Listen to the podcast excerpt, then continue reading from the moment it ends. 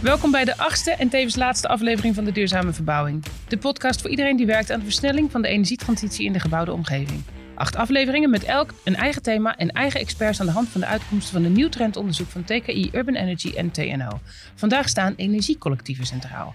Aan tafel zitten Maarten de Vries, programmamanager Smart Energy Systems bij TKI Urban Energy en Siewart Zomer, coöperatief directeur bij Energie Samen. Mijn naam is Marjet Heijns.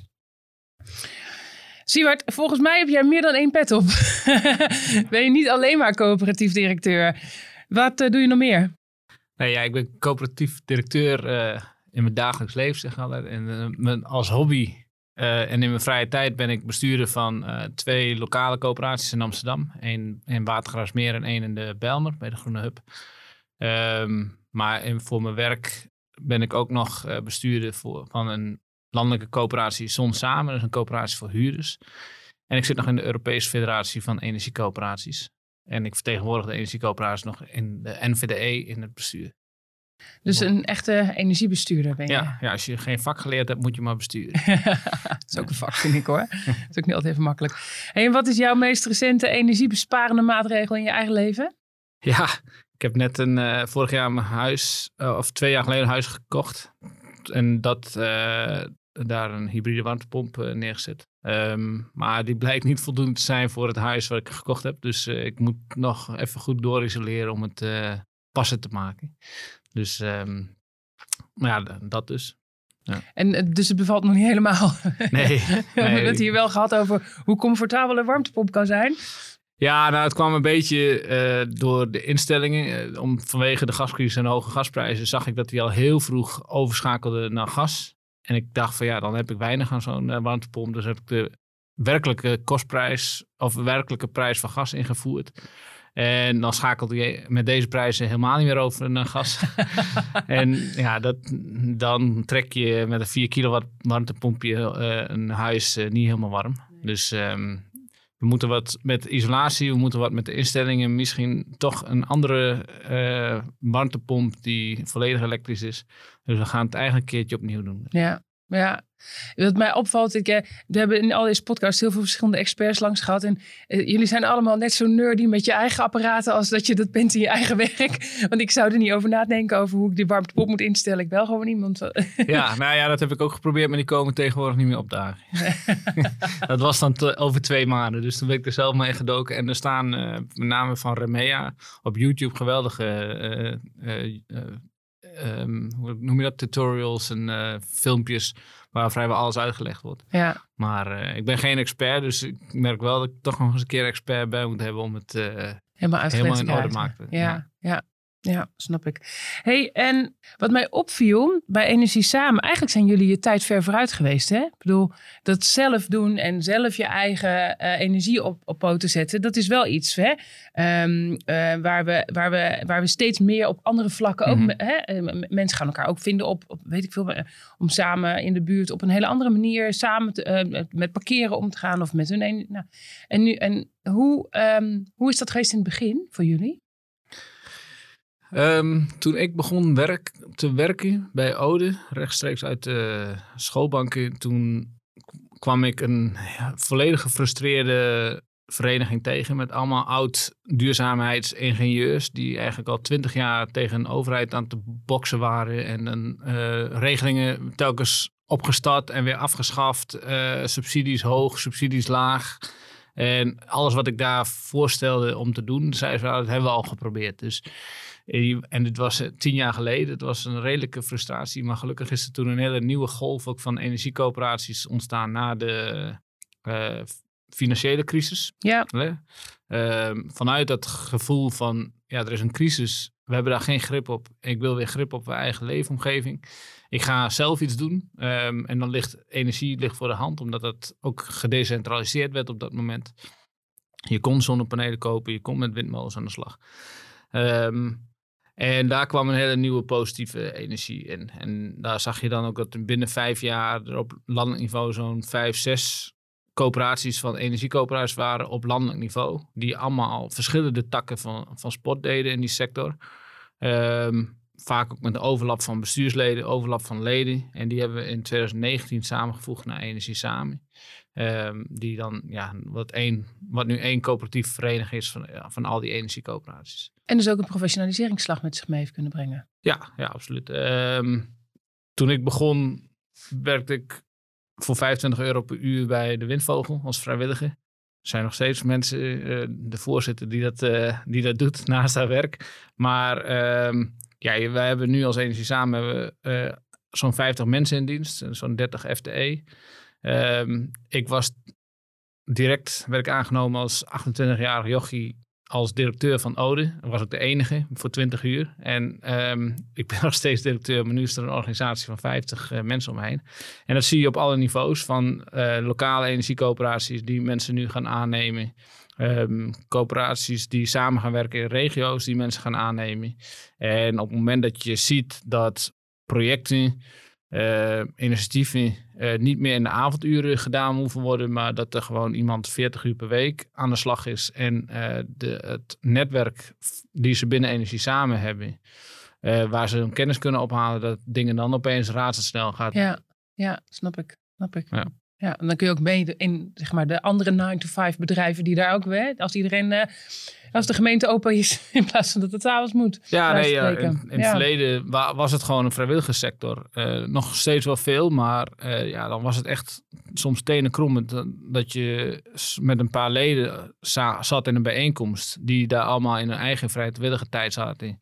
Omringd door consultants en adviseurs die ons kwamen ondersteunen. Ah, 130, 140 euro per uur.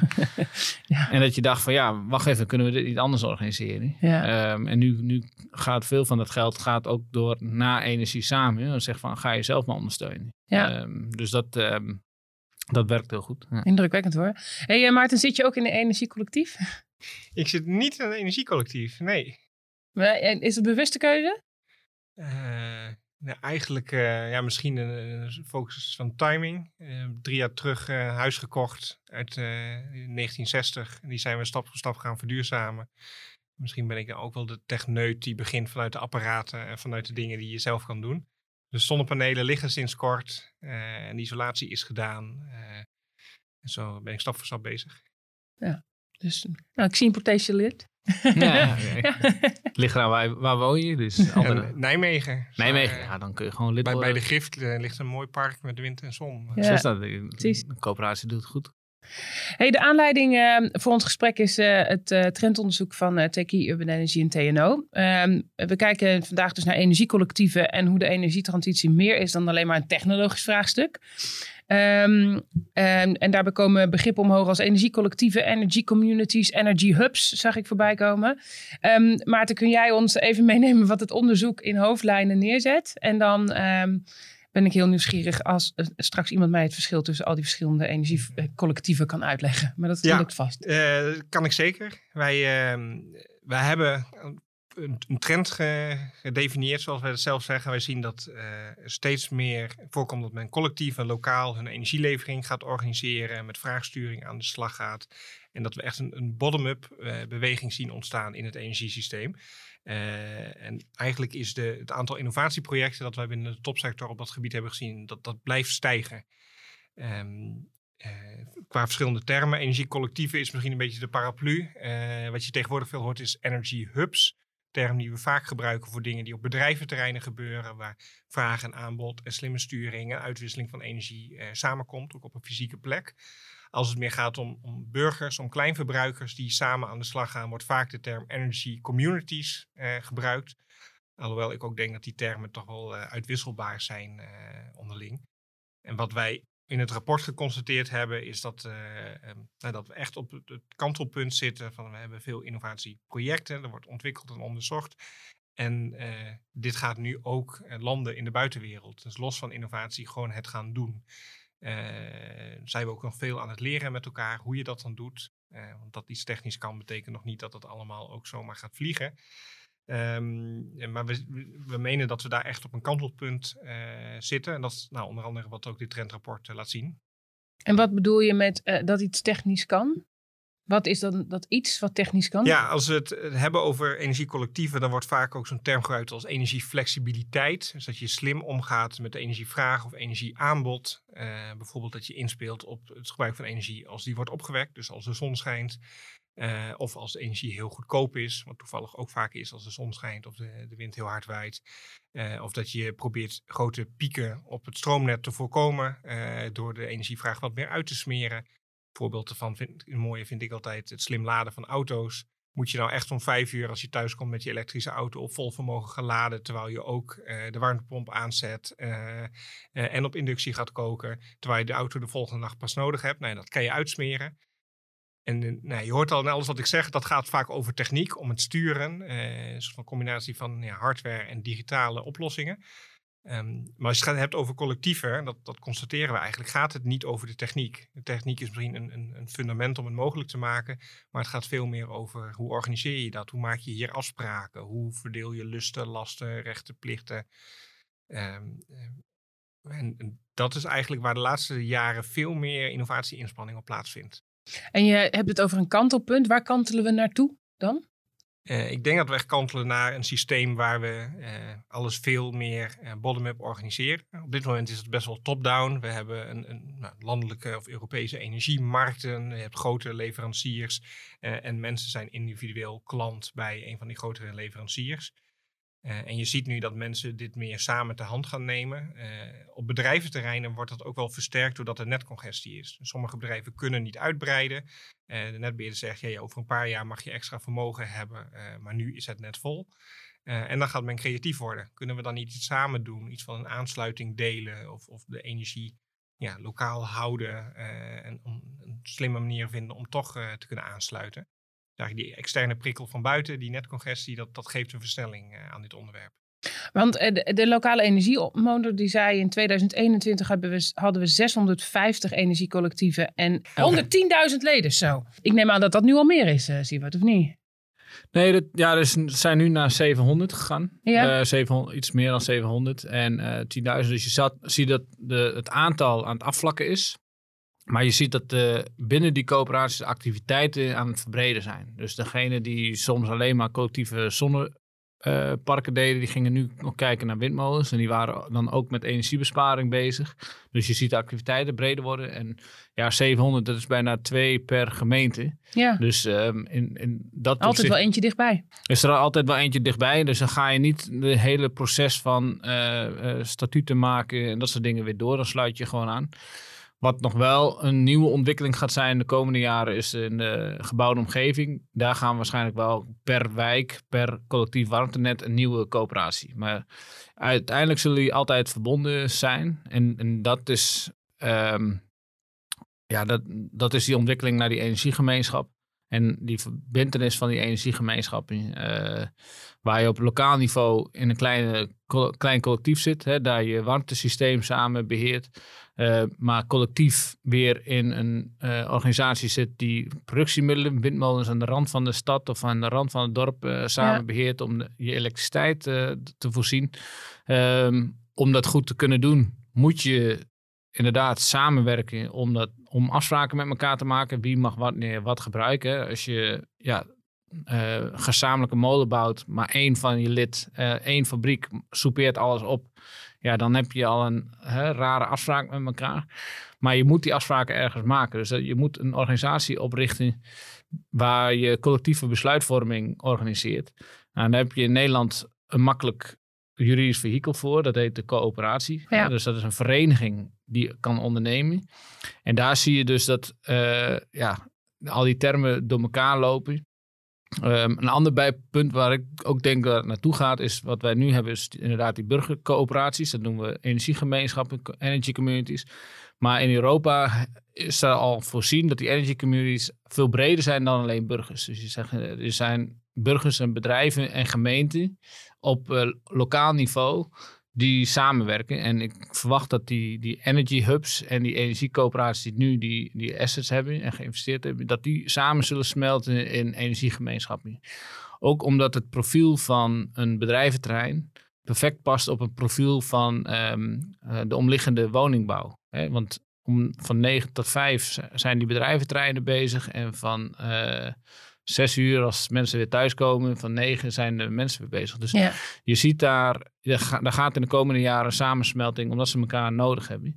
En dan heb je echt een doorontwikkeling van naar een energiegemeenschap, waar echt iedereen in een gemeenschap gezamenlijk op democratische manier zeggenschap heeft in een organisatie, maar ook samen het energiesysteem beheert. Ja, en ik, ik denk die laatste stap, dat is eigenlijk ook wat, wat wij zien als trend. Eh, en dus ja, wij hebben al heel lang coöperaties, mensen die zeggen wij gaan samen een zonnepark ontwikkelen of een windmolen neerzetten. En die energie wordt vervolgens nou, ver- verkocht aan de energiemarkten. Eh, dus dan heb je één stapje eh, in de keten. En wat wij bedoelen met, met energiegemeenschappen en echt bottom-up, is dat we niet alleen eh, energie gaan opwekken, maar dat je daar ook op een slimme manier gebruik van gaat maken. Dat je op een bepaalde manier afspraken met elkaar maakt hoe je die energie aan elkaar kan verhandelen. Ehm, wat je zeker aan de coöperatieve kant ook heel erg ziet, is eh, nou, het ertussen uitsnijden van de grote bedrijven. Waar moet je energie die je opwekt eerst verkopen aan een eh, indus- eh, internationaal energiebedrijf om het vervolgens terug te kopen als je het zelf wil gebruiken. Ehm, eh, en, en daar zie je dus echt een ontwikkeling. En je, noemde heel terecht die, die, die monitor die zegt van ja, het aantal coöperaties, de groei stagneert. Nou, misschien is het verzadigd, maar dat is alleen qua aantallen. En volgens mij krijgen we nu een hele grote diversificatie dat, dat we veel meer activiteiten op gaan, eh, gaan pakken. Dus ze gaan meer doen, maar komen er ook meer mensen bij? Ja, ehm, ongetwijfeld. Omdat ehm, theoretisch gaat dit alleen maar vliegen als wat zij leveren lokaal echt een eh, voordeel heeft. Hè. Voor sommige bedrijven heeft dat te maken met het aansluitvermogen die ze hebben. Ehm, waar wij naar streven is dat je in zo'n gebied een, een eerlijke en stabiele prijs eh, levert. Dat is op sommige mo- momenten eh, hoger dan de markt. eh, op- maar in dit geval is het lager dan de markt. Ehm, maar de stabiliteit geeft zijn waarde. Dus je ziet in gemeenschappen dat daar mensen, met name MKB-bedrijven, echt behoefte hebben aan als je eh, warmte levert en elektriciteit tegen een vaste prijs voor 15 jaar. Dat je daar, daar kun je op financieren, daar kun je, ja, je, Daar kun je business case op daar bouwen. kun je business case Ja, bouwen, maar ook als zeker. gezin. Hè, ehm, weet je wat je aan energiekosten hebt. En er zijn altijd wel mensen die mooi willen meespeculeren met de markt. Maar er, zijn, er is een kleine, kleine doelgroep. En wat je hebt aan leden die wij nu hebben, individuele mensen. ehm, Zo'n situatie heeft nooit echt voorgekomen. Wat wij nu met name hebben, zijn coöperaties die, waar wat maat zijn, geïnvesteerd hebben in een eh, productiemiddel. En daar komt weer geld terug. Ehm, en dat is een, gewoon een bepaalde type mensen die daar, dat kan en die het leuk vindt. Maar het is maar één incentive. Hè? Het is een financiële incentive. En ehm, dat is ook nog een beperkte groep mensen die, die daarin willen investeren. De meeste mensen die willen investeren willen zoveel mogelijk rendement eh, op hun geld. Ja. Dus je spreekt niet de doelgroep investeerders aan. Je spreekt de mensen die willen investeren voor maatschappelijk rendement. Dus dat is eigenlijk maar een heel klein groepje mensen in Nederland.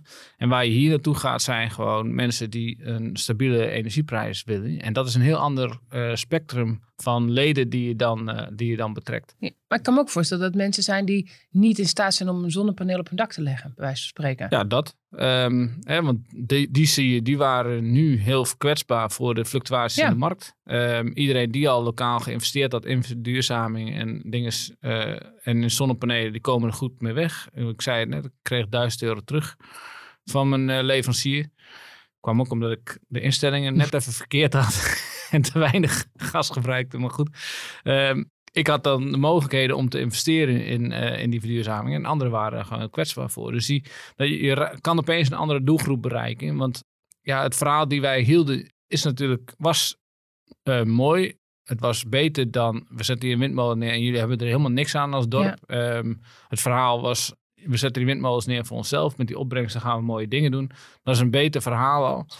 Maar toch is, daar, is dat niet een verhaal voor de hele gemeenschap. Nee, want het vraagt wel dat je investeert. het vraagt invest- investeert. Kijk, mensen kunnen altijd lid worden van een coöperatie, ook zonder te investeren. Dat is een, een belangrijk basisprincipe. En ze mogen dan ook meestemmen over de winst. Maar ehm, in principe, ja, wie wordt nou lid van een energiecoöperatie om niet te investeren, om één keer per jaar op een algemene ledenvergadering te komen om te, mee te besluiten over de winst? Hè? Ja. Dus Veel van die mensen hebben wel wat anders te doen. Dus je, je, je kan hiermee met dit model en die energiegemeenschappen kun je echt een heel andere, andere doelgroep bereiken. Ja. Dus we krijgen energie. Eh, ik zag trouwens, je had het net over Europa, dat het nu is vastgelegd in de Clean Energy Package. Is dat nou een zegen? Nou ja, ik, eh, we hebben maar 40 minuten, maar ik kan de hele geschiedenis. Toen ik, toen wij net, eh, toen ik begon bij Ode, toen ik, wat ik net zei, op 28e, 29e begonnen we met een Europees project, Rescope 2020. En dan gingen we onderzoeken wat er op eh, Europees niveau gebeurde rondom energiecoöperaties en burgers die van onderop eh, dingen deden. En dat bleek er eigenlijk een heel rijk, rijke tradities zijn, soms al 100 jaar oud in Italië en in Denemarken. En aan het eind van het traject zeiden ambtenaren tegen ons: Wij willen jullie heel graag ondersteunen op, land, op Europees niveau met eh, fondsen, subsidies, regelgeving, maar jullie bestaan niet, We- eh, oh, juridisch gezien, zeg juridisch maar. gezien. Ja, Ja, dus ik, ik snapte ook niet wat ze zei. Want ik zei, ik heb toch een prachtig mooi rapport geschreven waar we laten zien wat we doen. Maar bestaan. En dat heeft een eh, traject getriggerd met de Europese Federatie die we toen net opgericht hadden. Om eh, de definitie van energiegemeenschappen in de Renewable Energy Directive eh, eh, te krijgen. En dat heeft drie jaar geduurd. Een, eh, voor een lobbyist en een politiek filosoof een prachtig project. Voor een gewone burger een niet te verschrikkelijk begrijpen. niet te begrijpen project. Ehm, maar we hebben het erin gekregen en daarmee bestonden we. En dat zie je nu langzaam doorcijpelen eh, in landen. hè. Het komt in de ene- Nederlandse energiewet eh, te staan. Eh, we hopen dat het in de warmtewet komt te staan. Zodat we En wat heb je daar dan aan als je ineens juridisch bestaat? Ja, nou, je ziet in Europa al dat alle Horizon 2020 projecten, daar wordt heel specifiek naartoe geschreven dat je echt voor energy communities, dus dat je ehm, ja, echt energiegemeenschappen op lokaal niveau moet betrekken bij die, die projecten. Anders krijg je gewoon geen geld, hè, want anders krijg je allemaal perifere onderzoeken die, die zweven en rapporten die niemand gebruikt. Eh, dus, daarmee kan je al een geldstroom op gang brengen naar, voor innovatie voor die projecten.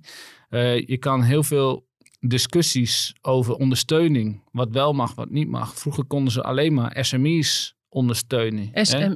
Small, medium company, eh, enterprises. Ja. MKB. Uh, Of, Ja. of, of utilities. En daartussen was niks. En nu kun je zeggen, eh, als je in de Clean Energy Package kijkt, eh, zie je van uh, nationale overheden moeten energiedelen mogelijk maken voor energiegemeenschappen. Dus voor een specifieke nieuwe marktpartij moet jij nieuwe regelgeving maken, zodat er een gelijke toegang tot de markt, markt is. Ja. Dus het geeft enorme juridische mogelijkheden die er opeens eh, bestaan. Want als we dan willen, dat we dan dus ook mogen. Dat is dan zeg maar ja, het verhaal. Ja, en dat je ehm, dat ambtenaren met name en beleidsmakers snappen over waar het over gaat. Want eh, dat zie je nu bijvoorbeeld in de warmtetransitie. Als ik als bewoner in een warmteplan meedenk, dan ben ik in eerste instantie bewoner. Maar op het moment dat ik mijn hand opsteek en zeg van "Ei, ik wil dit eigenlijk zelf doen, want ik wil daar grip over hebben, ik wil dat er geen geld weglekt, dan opeens kom je bij een ander loket, want dan ben je in juridisch gezien een marktpartij, net Ja. als die andere. En dan raken die ambtenaren volledig in de verwarring natuurlijk. Hè? Want ehm, ja, dan moeten we opeens jouw plek, aan- wat je nu doet, moeten we eigenlijk aanbesteden. Ik zeg maar, hoe, hoe kun je nou, maar ik woon hier. Ik ga hier niet weg, dus je kan mijn positie niet aanbesteden. Dus die, die verwarring, die, die los je op door gewoon te zeggen, dit is, dit, deze bestaan. Daar kun je anders mee omgaan. En daar kun je anders, eh, andere ehm, regels voor bedenken. Daar kun je andere procedures voor bedenken. En daar kun je andere rechten en plichten voor bedenken. Want, maar de, ehm, in de, want ik neem aan dat energiecollectief heel nauw samenwerken met gemeenten en misschien ook soms provincie. Ja. Ga ik vanuit. Het is wel natuurlijk lokaal georiënteerd, Ja. Meestal. Ehm, eh, loop je daar nog tegen veel eh, onbekendheid aan? In, inmiddels kent iedereen ze toch? Of zit ik nu te veel in een energiebubbel? Ja, daar zit je echt in een energiebron. Ja. Dus er is nog heel veel mythes. Hè? Dus dat we allemaal grijze wollen sokken mensen zijn. Dat het vrijwilligers zijn. Dat we een elitair clubje zijn. Daar vechten we nog heel veel tegen. Ehm, maar wat je ook ziet is dat die, die energietransitie komt op gang. Dus we krijgen ook steeds meer nieuwe ambtenaren. Ja. Die ook telkens weer niet, nog niet snappen wat wij zijn. Ehm, de lokale energiegemeenschappen, eh, die brengen de meeste continuïteit in de energietransitie. Er zijn eh, bestuurders die al zes, zeven jaar op een lokaal niveau aan die energietransitie trekken. Nou, er is geen ambtenaar die op, al zeven jaar op dezelfde plek zit om aan die energietransitie te werken. Dus En het zijn mooie intermediairen tussen. Het zijn een soort buurtburgemeesters op energieniveau, om het maar eens even heel Exact. erg plat te slaan. Exact. Het is, ehm, je, niet elke gemeente, eh, bij- bijna geen enkele gemeente wil zelf ondernemen in die energietransitie. Dus je hebt daar mogelijkheid om samen met zo'n coöperatie je, je doelstellingen te behalen. Uh, zonder dat je um, altijd alles maar moet aanbesteden aan de markt en de hele, um, ja, iedereen moet, iedereen moet uitnodigen. Maar je kan dan ook die continuïteit uh, creëren in je gemeenschap, die, die essentieel is voor kennisbehoud van hoe gaan we dat doen, voor het contact met de bewoners. Dus uh, ja, de, de waarde zit er enorm. Maar we moeten het nog wel telkens bij de, elke nieuwe ambtenaar moeten we het vaak nog wel weer uitleggen. Want het is echt onbekend. Een soort energie-collectief cursusje voor de Ja, ja, ja, ja. Ik, uh, ik, heb vorig afgelopen jaar bijvoorbeeld uh, bijna 50 webinars, online webinars gegeven. Ook voor raadsleden over uh, code, lokaal eigendom. Wat ja. dat dan is, hoe een energiecoöperatie werkt hoe je daar als gemeente mee om kan gaan, wat je in beleid Komt het altijd van onderaf? Ik kan me ook voorstellen dat de gemeente graag wil dat het ergens komt. Ja, ja, maar een coöperatie van bovenaf is uh, lastig. lastig. Je ja. kan wel de, de voorwaarden creëren en je kan ook wel een paar mensen aan de mouw trekken en zeggen: Wil je hiermee aan de slag? Met de juiste ondersteuning komt het dan vaak uh, wel van de, van de grond. Komt. Wat ik daar waar geen energiecoöperatie is, zie ik vaak gemeenten die al ergens besloten hebben dat zo'n energiecoöperatie, die, die hebben we hier niet. Dus die komt hier ook niet. Dus we gaan het zelf doen. En dan, ja, dat is de dood in de pot voor elk initiatief. Ja. Um, want dan, ja, als een gemeente het al doet met het, een zak geld en consultants, waarom zou jij dan nog in je vrije tijd uh, aan de slag gaan? Ja. Dus het gaat echt om, om een, een ja, goede bodem creëren, dan ontspruiten van, al, van alles. Ja. Hey, en Maarten, um, um, ik las ook dat energiecollectieven zich steeds meer op innovatie richten.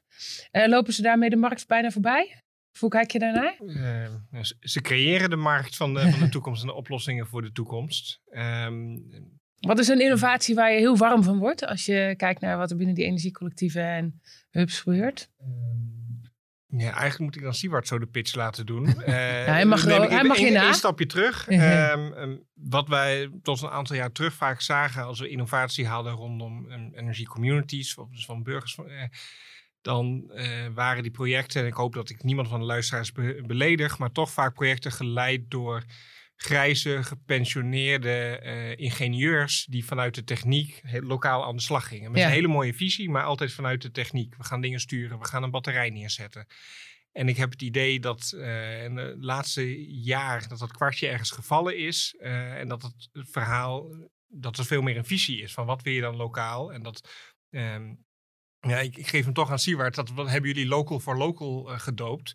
Misschien is dit wel de plek voor jouw pitch. Uh, wat dat nou inhoudt. Ja, je vertelt uh, helemaal het proces wat we, wat we vorig jaar hebben doorgemaakt. Of eigenlijk al drie, vier jaar doormaken bij Energie Samen.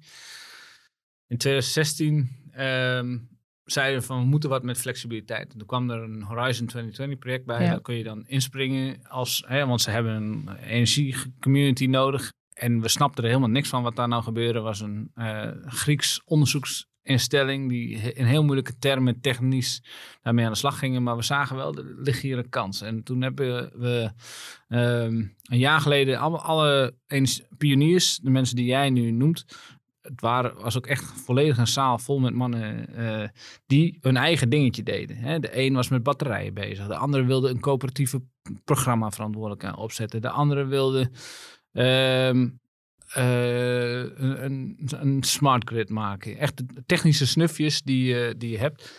En die zaten bij elkaar.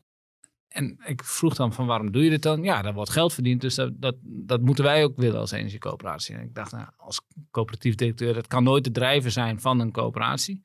Maar ik kon ze ook niet in de kruiwagen krijgen als van... Want de een deed batterijen en dat was iets heel anders dan smart grids. Ja. En, uh, en een coöperatief PV had niks te maken met een, iemand die batterijen ontwikkelde.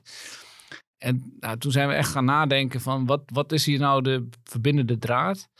En um, dat, dat kwartje viel tegelijk met de stijgende energieprijzen. Uh, en dat was van, je bestaat als energiecoöperatie ten behoeve van je leden. En die behoefte is gewoon een stabiele prijs voor je lokaal opgewekte energie. Je ja. wekt energie op niet om geld te verdienen, maar om te voorzien in de behoeften van je leden. Ja. En als je dat doortrekt, dan zeg je oké, okay, dan gaan we die lokaal opgewekte stroom, gaan we lokaal uh, leveren tegen uh, kostprijs aan onze leden. En als je dat wil doen, dan heb je opeens al die speeltjes die de jongens al hè, met eh, uitgedacht hebben en gedaan hebben, die komen op nu opeens in dat systeem, heb je die nodig. Want als je op lokaal niveau wil opwekking en dat gebruiken, moet dat altijd gelijktijdig. Maar je hebt niet altijd, dat profiel past niet op elkaar. Dus je hebt die batterij nodig. Maar je hebt ook die omzet naar warmte nodig om dat nodig te hebben. Maar je hebt ook ehm, programmaverantwoordelijkheid nodig. Hè? Dat kunnen we nu gelukkig nog allemaal inkopen in de markt. Maar je hebt ook een handelsplatform nodig. Dus al die speeltjes, die kregen in dat verhaal hun plek. En ehm, je zag ook gewoon dat dat bij elkaar kwam. Het mooie was dat het zelfs bij Energie Samen, waar uh, warmte en ehm, energiebesparing en opwek, hè, mensen die daarmee bezig waren, die nou, ook vanuit corona, die zagen elkaar bijna. Die, die spraken elkaar helemaal. Een beetje verschillende werelden. Maar verschillende werelden. En opeens in dit verhaal, om lokaal opgewekte stroom lokaal te leveren, moet je natuurlijk eerst beginnen met laten we met z'n allen zoveel mogelijk besparen. Ja. Dus toen waren opeens onze energiecoaches, die we al zeven jaar optreden, hadden opeens een heel belangrijk, cruciale rol aan de voorkant van, van dit proces. Ehm, maar als wij lokaal opgewekte stroom ergens willen leveren of moeten omzetten, dan opeens dan moeten we ook uh, warmtenetten hebben om daar in die collectieve warmtenetten die, die stroom in te voeren. Dus opeens zag je die, die collectieve warmtenetprojecten zich uh, uh, aanbellen bij die coöperaties die nu windmolens aan het bouwen waren. Zeggen wij willen die stroom straks van jou afnemen. Ja. En opeens komt dat verhaaltje bij elkaar. En um, ja, zie je nu ook binnen de organisatie van Energie Samen dat we dat gewoon anders gaan organiseren, zodat dat gewoon dichter bij elkaar komt. En ik kan me ook voorstellen dat dat lokaal, omdat je met een wat kleinere schaal werkt, ook makkelijker bij elkaar te brengen is. Op een landsniveau alles bij elkaar brengen, dat zie ik steeds in veel gesprekken die we ook hebben en ook hebben gehad, is het soms best wel uitdagend, omdat er zoveel knoppen zijn en zoveel problemen en zoveel barrières, dat je op een gegeven moment door de bomen letterlijk het bos niet meer ziet. Exact. Elke, elke lokaal gebied heeft zijn eigen dynamiek. Hè. We hebben leden die gigantische veel opwekken hebben en dus een overschot hebben. Die moeten lokaal totaal andere afspraken maken met hun leden dan uh, coöperaties in Amsterdam, waar een schaarste aan opwek is. Dus, die, dus je kan niet zeggen vanuit landelijk uh, vanuit landelijk zeggen, een energiegemeenschap gaat dit doen en moet deze activiteiten doen. Die moet in de uh, lokale technische constellatie en zijn beperkingen van het net, beperkingen van de ruimte, beperkingen van het investeringsvermogen, moeten daar zijn eigen weg zien vinden. En dat is ook de enige manier om dit te organiseren. Want ja, ja, er zijn honderden boeken over geschreven natuurlijk. De, de, de, complexiteit van dat lokale en die lokale constellatie kun je als landelijk bestuurder nooit omvatten. Daar is je brein gewoon te klein voor. Ja. In deze conclusies zien we ook uh, steeds meer terugkomen rondom alles wat er gebeurt met energy hubs op bedrijventerreinen. Ook daar, dat willen we graag stimuleren. Uh, er lopen veel pilots en, en, en projecten. Uh, maar gewoon als overheid, als provincie zeggen, hier moet het gebeuren, uh, dan komt het er niet. En dat dat eigenaarschap uh, heb je nodig, of het nou burgers zijn of, of bedrijven in een woonwijk of een bedrijventerrein. Uh, maar dat is toch het fundament. En is daar de drijfveer dat je graag wil dat het minder dat dat de nestcongestie wat voorkomt? Of is het, wat is daar het idee achter die bedrijfsterreinen? Waarom ja, de, wil je daar... de gedachte om samen op te trekken, dat, dat zit eigenlijk op meerdere assen. Een hele duidelijke uh, drijver nu is die netcongestie. Nou, Als je niet kan uh, uitbreiden, ja, dan wil je een oplossing voor. Want dat, dat raakt je primaire proces als ondernemer. Precies, ja. Maar uiteindelijk, dat, dat roep ik ook heel vaak, die, die, die slimme sturing, die flexibiliteit doen we niet alleen omdat de netbeheerders nou zo zielig zijn met hun netcongestie. Uh, maar dat doe je ook omdat dat uiteindelijk bijdraagt aan een veel betaalbaarder energiesysteem. En daar pluk je ook als gebruiker zelf uh, de vruchten van. Um, dus, dus, dat geldt ook voor burgers. Als je uh, veel meer van je eigen opgewekte zonne-energie zelf kan gebruiken door je energievraag slim te sturen, dan levert dat wat op. Als je kan voorkomen dat je een zwaardere aansluiting op het net nodig hebt, omdat je de piek van je auto die, je laat iets kan voorkomen, nou, dan bespaar je jaarlijks kosten op. Als je energie kan gebruiken als het goedkoop is, um, is er toevallig ook vaak weinig netcongestie en het is ook nog heel erg groen. Uh, dus dat, leidt tot allerlei maatschappelijke uh, prikkels ook. En die verslimming, uh, ja, een, een, getal wat ik vaak roep, dat, uh, dat is becijferd dat als we alle warmtepompen slim zouden aansturen, dan zouden we in Nederland drie tot vijf minder uh, gascentrales als backup nodig hebben om het energiesysteem stabiel te houden. Ja. En dat vind ik een heel mooi getal dat gewoon laat zien van ja, als wij dus verslimmen, wordt het energiesysteem veel betaalbaarder. Ja, en dat is eigenlijk wat je wil. Ja, want uiteindelijk, ja, het, het moet duurzaam. Uh, um, uh, maar uiteindelijk moet het ook betrouwbaar en betaalbaar zijn. Die drie moeten bij elkaar komen. En opschalen. Want uiteindelijk, ja, ik bedoel, ik vind het leuk, iets meer dan honderdduizend mensen. Maar ik heb altijd het gevoel van dit kan toch veel meer. Ja, het kan nog veel meer, maar um, het was tot op heden nog niet echt relevant. Omdat de, de internationale markt gewoon perfect werkte. Ja. Dus um, die internationale markt, die levert gewoon de goedkoopste stroom, altijd. Um, want je kan vanuit Noorwegen, je kan kijken waar je de goedkoopste stroom kan halen. En die krijg je altijd thuis. En die werkt perfect. Totdat die, dat geen vrije markt meer wordt. Omdat er um, barrières opgeworpen zijn. En die barrières liggen in de netcongestie. Of um, in de aanvoer van, van gas door oorlogen. En dan opeens dan gaat, die, gaat die prijs omhoog. Dus die, al die, die, die, het is allemaal wel uitgedacht, theoretisch. Maar er gaat niemand zijn bed uitkomen om een probleem van een ander op te lossen. Nee. Dus nu is er opeens een paradigma ontstaan waardoor het relevant wordt, waardoor je gaat organiseren. Onze leden zouden niet bestaan als alles perfect liep. Ja. Want dan ga je in je vrije tijd wel wat anders doen.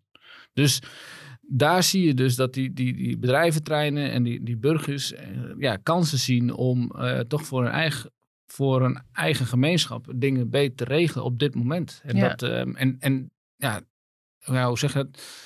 Dit, die situatie gaat veranderen. Maar je moet wel kijken als je, om, hoe je die interne maatschappelijke prikkel dus kan behouden. Hè? Dus hoe je da door uh, beprijzen kan zorgen dat dat lokaal opwekt stroom, dat, dat, dat je die voordelen van netcongestie die je oplost, dat die dan ook lokaal landen. Ja. Hè? Um, of dat je lokaal opgewekt stroom die helemaal duurzaam is, dat je die anders beprijst hè, met een ETS dan prijs die je van de internationale markt met een uh, waar, waar gas en alles tussen zit. Dan... Dat moet het Rijk regelen, neem ik aan. Hè? Dat is niet iets wat nee, je als uh, ja, provincie of gemeente kan regelen. Nee, dat moet het Rijk regelen. Um, en, maar het interessante daarvan is, is dat we nu alleen nog maar kijken naar subsidies die productie stimuleren. Omdat we meer productie willen. Hè, we hebben de SDE en de saldering. Maar je moet nu naar uh, stimuleringsmaatregelen die het systeem stimuleren. En de bevordering van het systeem en het collectieve actief, uh, collectief actief zijn beloont ten opzichte van het individuele act, acties zoals ja, één molen bouwen of ja. uh, alleen maar salderen. Is dat, uh, want ik, dat, daar wilde ik nog naartoe. Wat is je wensjelijstje? Je hebt vast een wensenlijstje naar het Rijk toe. Waar, waar, waar zit op dit moment voor, voor zeg maar, de beleidsmakers de grote uitdaging? Is dat in deze, in het anders neerleggen van die subsidies? Nou, dit is iets wat mij uh, wat echt nog maar, denk een paar maanden echt tot, mijn, tot realisaties tijdens de salderingsdiscussie tot mij gekomen is. Dat ik dacht van, oh ja, we hebben ons hele simuleringssysteem gebouwd om van 1 euro 3 euro te maken. Om uh, zekerheid in financiering te garanderen op basis van productie, waardoor je dus eigenlijk je eigen problemen gecreëerd hebt, hè, netcongestie, dat soort dingen.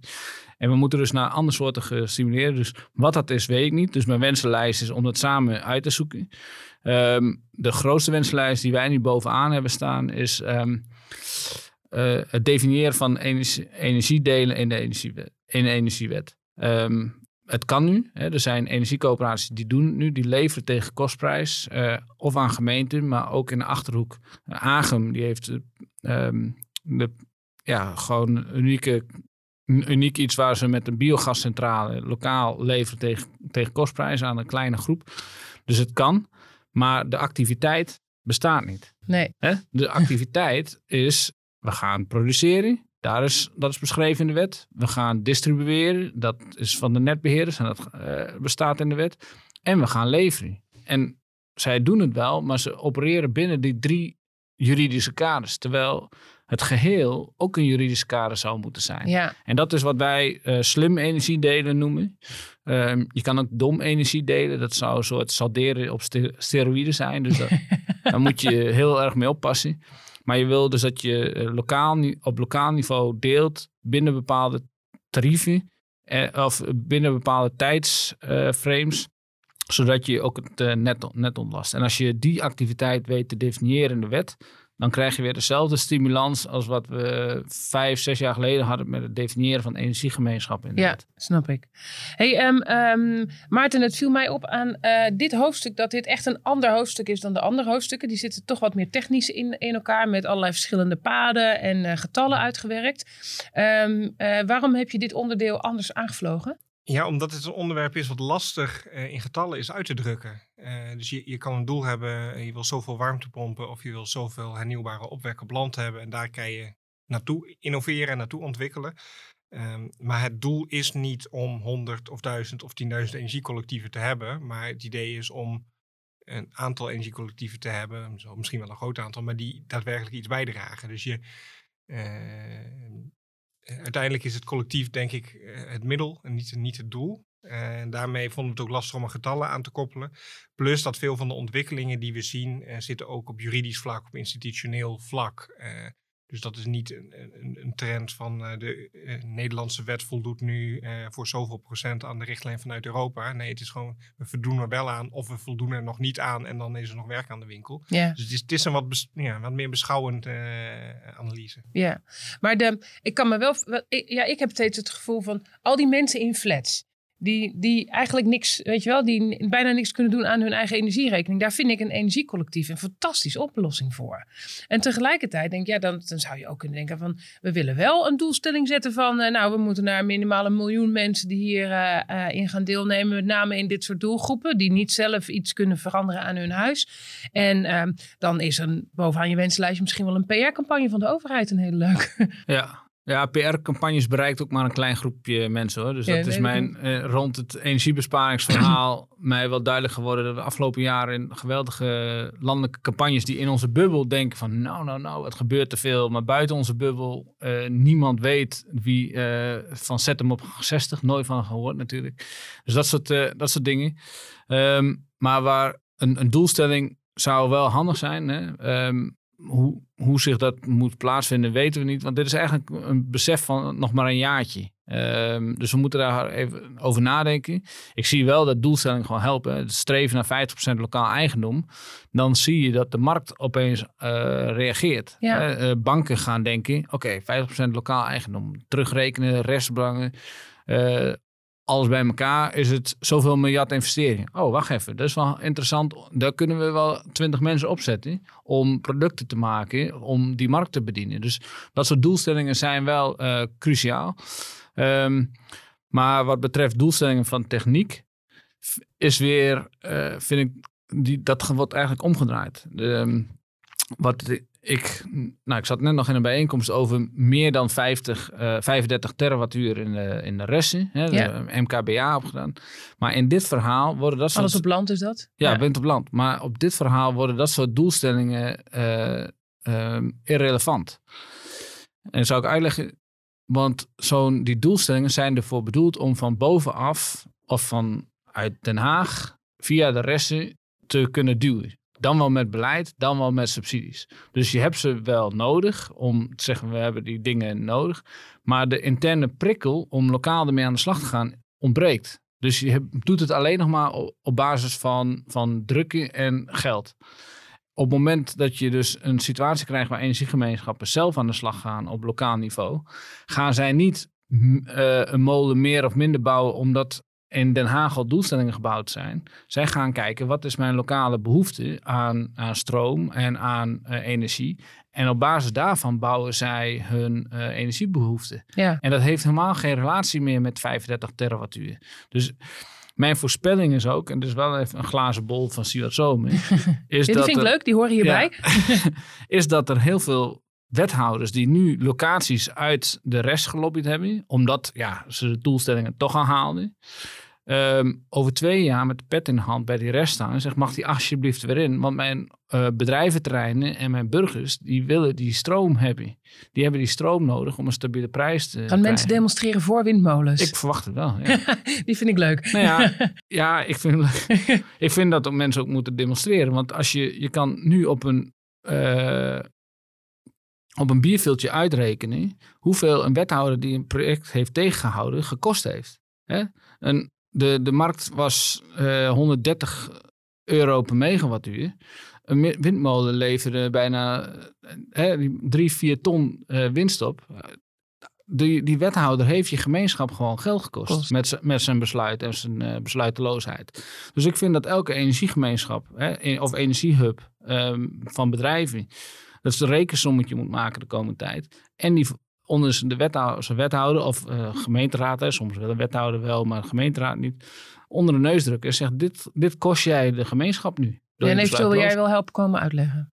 Met alle plezier, ja.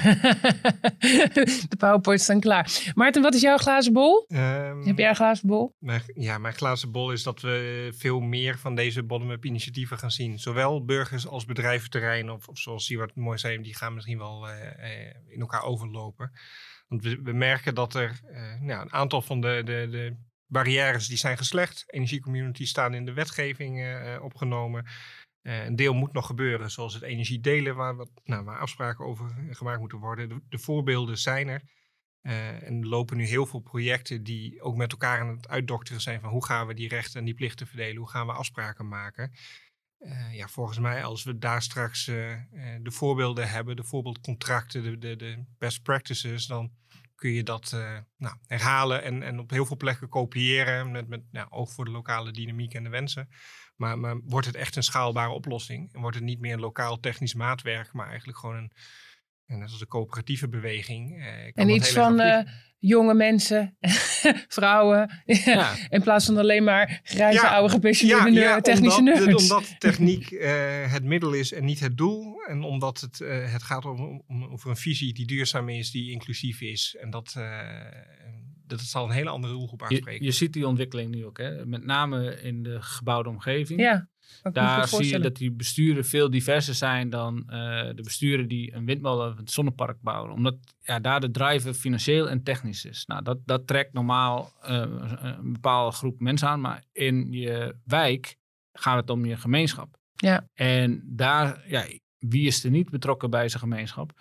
Dus daar zie je de, de besturen al, al veel diverser worden. Hè. Mijn, bestuurscoöperatie in, uh, is een gebiedscoöperatie. Daar zit ik met twee vrouwen en één man. Ik in, dan. Waar is dat? In Amsterdam? In, in Amsterdam, in ja. Zuidoost. Um, en in Watergraafsmeer zitten twee vrouwen in.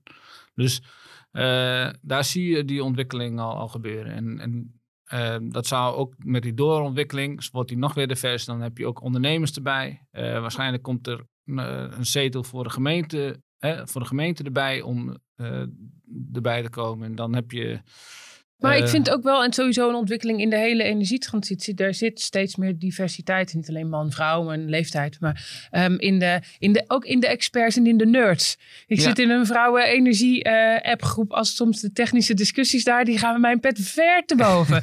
dus dat vind ik, ja, weet je, dus er gebeurt wel ook, ook, uh, ook daarin uh, wel wat meer. Het is een ander, een ander onderwerp, maar die, um, dat nee, gebeurt het, maar het is een cruciaal onderwerp. Ja. Want het is waar ik wat kan gebeuren is dat die energiegemeenschappen, als die niet de juiste uh, normeringen hebben, of dan wel, we, we willen er als energie samen ook een gedragscode van maken, dat als jij niet de afspra juiste afspraken maakt met elkaar, kan jij een exclusieve club worden van mensen die wel kunnen investeren. En dan heb je in je gemeenschap een groepje die wel geïnvesteerd heeft in een energiegemeenschap en dus stabiele stroom heeft. En degene die buiten de boot vallen. En dan maak je het alleen maar erger met energiearmoede. Ja, dan moet je er direct mee stoppen. Ja. ja. en dus ehm, we gaan dat als energie samen, gaan we dat, uh, dat soort dingen vastleggen in uh, charters. En zorgen dat we echt een sociaal systeem zijn. Um, uh, en dat we ook echt een sociale betrokkenheid hebben van, van dat soort mensen. Ja. En dat we onze leden opleiden om die doelgroepen te bereiken. Leuk, leuke uitdaging. Hele leuke uitdaging. Ik denk dat daar ook een kans ligt om die, die, die eerlijke en die inclusieve voorwaarden, om die te koppelen vanuit, ja, aan de risico's die er vanuit techniek zijn. Dus wat we zien is dat het hele energiesysteem die digitaliseert. En we gaan allerlei data huilen uit warmtepompen, uit je thermostaat, uit je laadpaal. Um, daar zit een risico, nou, dat straks dus uh, Google met de slimme thermostaat weet wanneer je thuis bent. Of dat Tesla, die heel actief wordt op de energiemarkt, bepaalt wanneer je wel en niet mag laden. Of, of eh, dat het eenzijdig wordt opgelegd. En ik denk dat die eh, collectieve beweging, dat daar een kans ligt om die waarden echt te verankeren. Ja. Afspraken te maken, hoe je met data omgaat. Uh, dat niet iedereen bij de getallen van iedereen kan, maar dat je toch op een eerlijke manier de relevante dingen gaat delen met elkaar. Dus daar zie ik ook nog grote kansen. Oké. Ehm, volgens mij best wel heel veel langs gehad. Zijn ook redelijk door de tijd heen. Hebben jullie nog een brandend onderwerp waarvan je denkt: oh jee, deze hebben we niet genoemd? Nee, ja, ik wil dan niet nog weer van alles over. Nee, het is genoeg. nodig me nog maar een keer uit voor die onderwerp. dat is goed, dat is goed. Nou, dank voor jullie komst uh, naar deze studio. Dit was de achtste en tevens laatste aflevering van de Trendpodcast Duurzame Verbouwing. De bedoeling was met deze acht podcasts dat je uiteindelijk het trendrapport alleen maar als naslagwerk hoeft te gebruiken. Ik hoop dat dat gelukt is. Het was een feest om met jullie op pad te gaan door deze wereld vol complexiteiten en innovaties. En als je alles hebt geluisterd, petje af. Ik ben heel benieuwd naar wat je ervan vond. Op de website tki-urbanenergy.nl vind je het volledige trendrapport, de samenvattingen, nieuwsberichten, webinars, alles wat je kunt bedenken om op de hoogte te blijven van alle innovaties in de gebouwde omgeving. Dankjewel voor het luisteren en heel veel succes bij jouw innovaties.